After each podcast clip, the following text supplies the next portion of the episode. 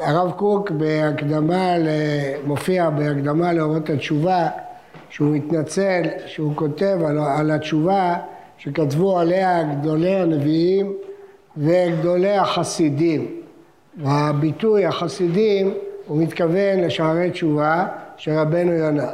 רבנו יונה מגירונדי מכונה בפי הראשונים החסיד, רבי יונה החסיד. הוא היה מגדולי הראשונים, היה מחותן של הרמב"ן, והרמב"ן מעיד שהנכד, כשנולד להם נכד, היה צריך לקרוא אותו משה על שמו, אבל אמרתי להם תקראו אותו יונה על שם רבנו יונה המחותן כי הוא גדול ממני. אז הרמב"ן העיד על רבנו יונה שהוא גדול ממנו. יש לנו את עליות דרבנו יונה על בבא בתרא שתלמד בהם הרבה בעזרת השם. אה, יש תלמידי רבנו יונה על ברכות שמשם אפשר לראות את הגודל העצום של רבנו יונה בהלכה. אבל כפי שאמרנו הוא גם נקרא חסיד. יש דעות שונות למה הוא כתב את הספר שערי תשובה ויש תפיסה ששערי תשובה היה רק ספר אחד מתוך סדרה גדולה של שערי תפילה ועוד שלא נשתמרה בידינו. אבל הספר הזה נשתמר בידינו, הוא ספר של אחד מגדולי הראשונים, רבנו יונה הגירונדי, וככה צריך להתייחס אליו.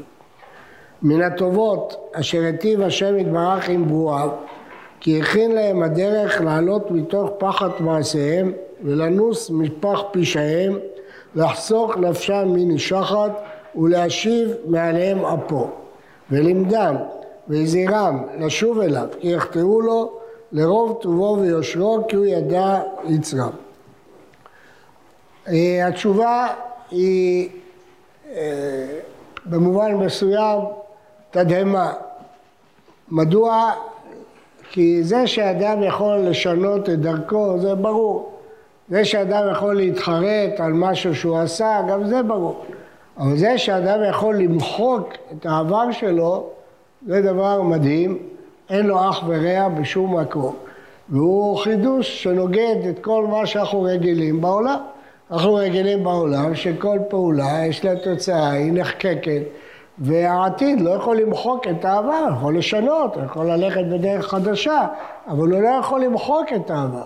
אבל התשובה היא מבטיחה לא רק שאתה יכול לשנות וללכת בדרך חדשה, אלא שאתה יכול לכבס, למחוק, וזה לא ביטויים סתם, אנחנו נראה בהמשך את ההבדל, לכבס ולמחוק לחלוטין את כל השגיאות של העבר, את כל העוונות והחטאים, עד כדי כך ששום דבר לא ייזכר לך. זה חידוש אה, גדול. וישנם כמה הסברים לחידוש הזה, כיצד יכול להיות דבר כזה. חכמים ענו על זה כשהם אמרו שהתשובה היא משבעה דברים שנבראו לפני בריאת העולם. ומביאים ראיה מהפסוק. מה הכוונה בזה? הכוונה שהתשובה לא כפופה לחוקים של העולם. החוקים של העולם הם עבר, הווה ועתיד, שאתה לא יכול לשנות משהו שכבר נעשה, את הנעשה אין להשיב, מעוות לא יוכל לתקון, וחסרון לא יוכל להימנות, אומר קהלת. אבל התשובה אומרת שכן, מעוות יוכל לתקון, החסרון יוכל להימנות, כל מעוות, כל חיסרון, וזה חידוש גדול של התשובה, כי היא לא כפופה לעולם, היא נבראה בכלל לפני בריאת העולם. לפי חכמי פנימיות התורה יש הסבר אחר, הנפש החיים מביא את זה, שכאשר אדם חוטא הוא פוגם בגוף, בנפש וברוח, אבל לא בנשמה. אדם לא יכול לפגום בנשמה, היא מסתלקת כשאדם חוטא. מה פירוש הדבר? פירוש הדבר שיש נקודה טהורה בפנימיות של האדם שהיא לא נפגמת. וגם כשאדם עבריין גדול או חוטא גדול, יש לו נקודה שהיא לא נפגמת, היא נשארה טהורה. לכן אפשר לשוב, כי אפשר להיאחז בנקודה הזאת ולחזור מחדש, לתקן, לבנות מחדש. אבל בכל אופן, יש הסבר של המהר"ל מפראג, על עקירת הרצון, אבל בכל אופן, בין אם ככה הסבר ובין אם כך, ברור שיש פה חידוש גדול, שאדם יכול למחוק את העבר הזה. הרב קוק רומז בהקדמה לאורת התשובה, שאנשים לא כל כך באמת מקבלים את החידוש הזה. מה פירוש? היות שזה נוגד לכל אורחות החיים, שבכל אורחות החיים אי אפשר לתקן את העבר, קשה לאנשים לסגל לעצמם את רעיון התשובה. מה פירוש שקשה? הם לא באמת מאמינים בזה. כי אם באמת הם היו מאמינים בזה, ודאי שכולם היו חוזרים בתשובה. אילו אנשים היו מאמינים ששום דבר לא ייזכר לך, שאתה יכול להתחיל הכל מחדש, עולם נקי, אז מי לא היה קופץ על העגלה הזאת? מי היה קופץ על המציאה הזאת? אבל באמת לא כולם מאמינים בזה שזה יכול להיות, כי הם לא רגילים לחיות כך. ולכן אומר הרב קוק שהיסוד של התשובה היא קודם כל האמון, להאמין שזה אפשרי. למה להאמין? כי כתוב בתורה.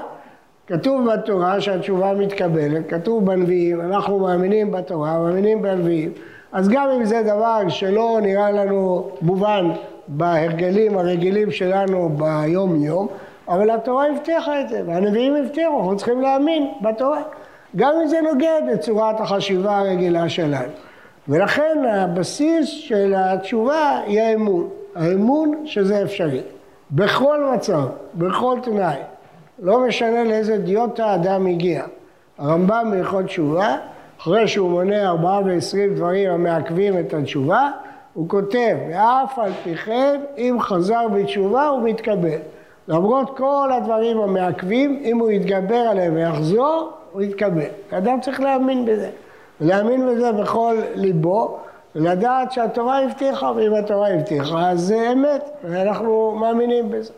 אז אומר רבנו יונה, זה חסד. חסד שהקדוש ברוך הוא עשה עם העולם, שמאפשר לו לתקן את העבר ולמחוק אותו. אבל הרב רומז פה שזה לא רק חסד. הוא כותב, אה, כי הוא ידע יצרם, שנאמר טוב וישר אשר. כלומר, זה נכון שזה חסד, אבל זה גם מידת היושר. למה זאת מידת היושר? כיוון שזה כמעט הכרחי שאדם יחטא.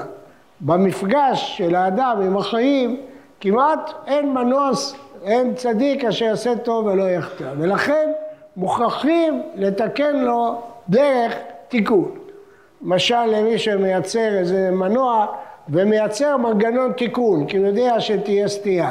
זה לא דומה, כי זה לא הכרח שתהיה חטא, אבל הקדוש ברוך הוא ידע את יצרה, ויודע שאדם עלול לחטוא.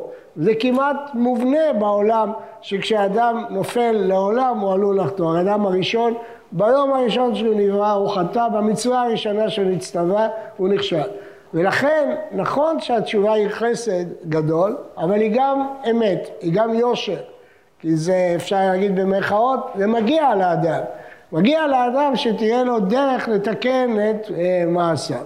ועל הדבר הראשון שהרבנו יונה מונה זה רשימה של החסדים שיש בתשובה. החסד הראשון הוא עצם גילוי התשובה, והחסד השני שהקדוש ברוך הוא עוזר לאדם לחזור בתשובה, הוא קורא לו, הוא מלמד אותו. הוא לא רק אומר אם הוא יחזור אין לי ברירה, אני צריך לקבל אותו. אלא הוא מדריך אותו לחזור בתשובה, הוא שולח לו נביאים שיחזירו אותו בתשובה, השכם והערב, הוא מפציר בו שהוא יחזור בתשובה. כלומר, הקדוש ברוך הוא מסייע לאדם לחזור בתשובה, הוא לא רק מקבל את התשובה, הוא לא רק רוצה בתשובה, אלא הוא עוזר לאדם, מסייע לו, הבא להתאר, מסייעים בידו, פותחים לו. אם אדם פותח פתח, פותחים לו. ואחר כך רבנו יונה ימנה רשימה של אה, טובות של אה, התשובה. אני רוצה לסיים את השיעור הזה בעוד ממרה מאוד מאוד חשובה. ישנם רבים שחושבים שהספר הזה, שערי תשובה, יש בו הרבה מרירות ועצבות, לעומת אה, הספר אורות התשובה שהוא מלא אור ואופטימיות ותקווה. וזה נכון מבחינה חיצונית. אבל צריך לדעת שהמרירות הזאת שנמצאת בשערי תשובה היא לא אה, מרירות של התשובה, התשובה היא לא מרה, התשובה היא מאוד נעימה, מאוד טובה, מאוד מתוקה. המרירות זה החטא, החטא הוא מר, התשובה היא לא מרה, אבל כדי להתמודד עם החטא צריך לעבור שלב מר. זה לא נעים לאף אדם להיפגש עם כישלונות שלו, בטח לא לאדם חכם ואדם גדול לגלות כישלונות מכוערים שלו, זה לא נעים. זה כואב, זה מר, אבל לא התשובה היא המרה, התשובה היא משמחת, כי אדם הצליח למרות. לכן לא צריך להיבהל או להתרשם יותר מדי מהמרירות שיש בתשובה, כי זה רק חלק מהתהליך של התשובה. הרב רבנו יונה מונה את המרירות ואת הדאגה כחלק מדרכי התשובה. זה חלק מהתהליך שאדם מתמודד עם החטא. אבל אין המטרה שאדם מסתובב בחודש אלול מר ומוכה יגון, אלא המטרה אה, דווקא שהוא יהיה, ישמח מתוך התשובה.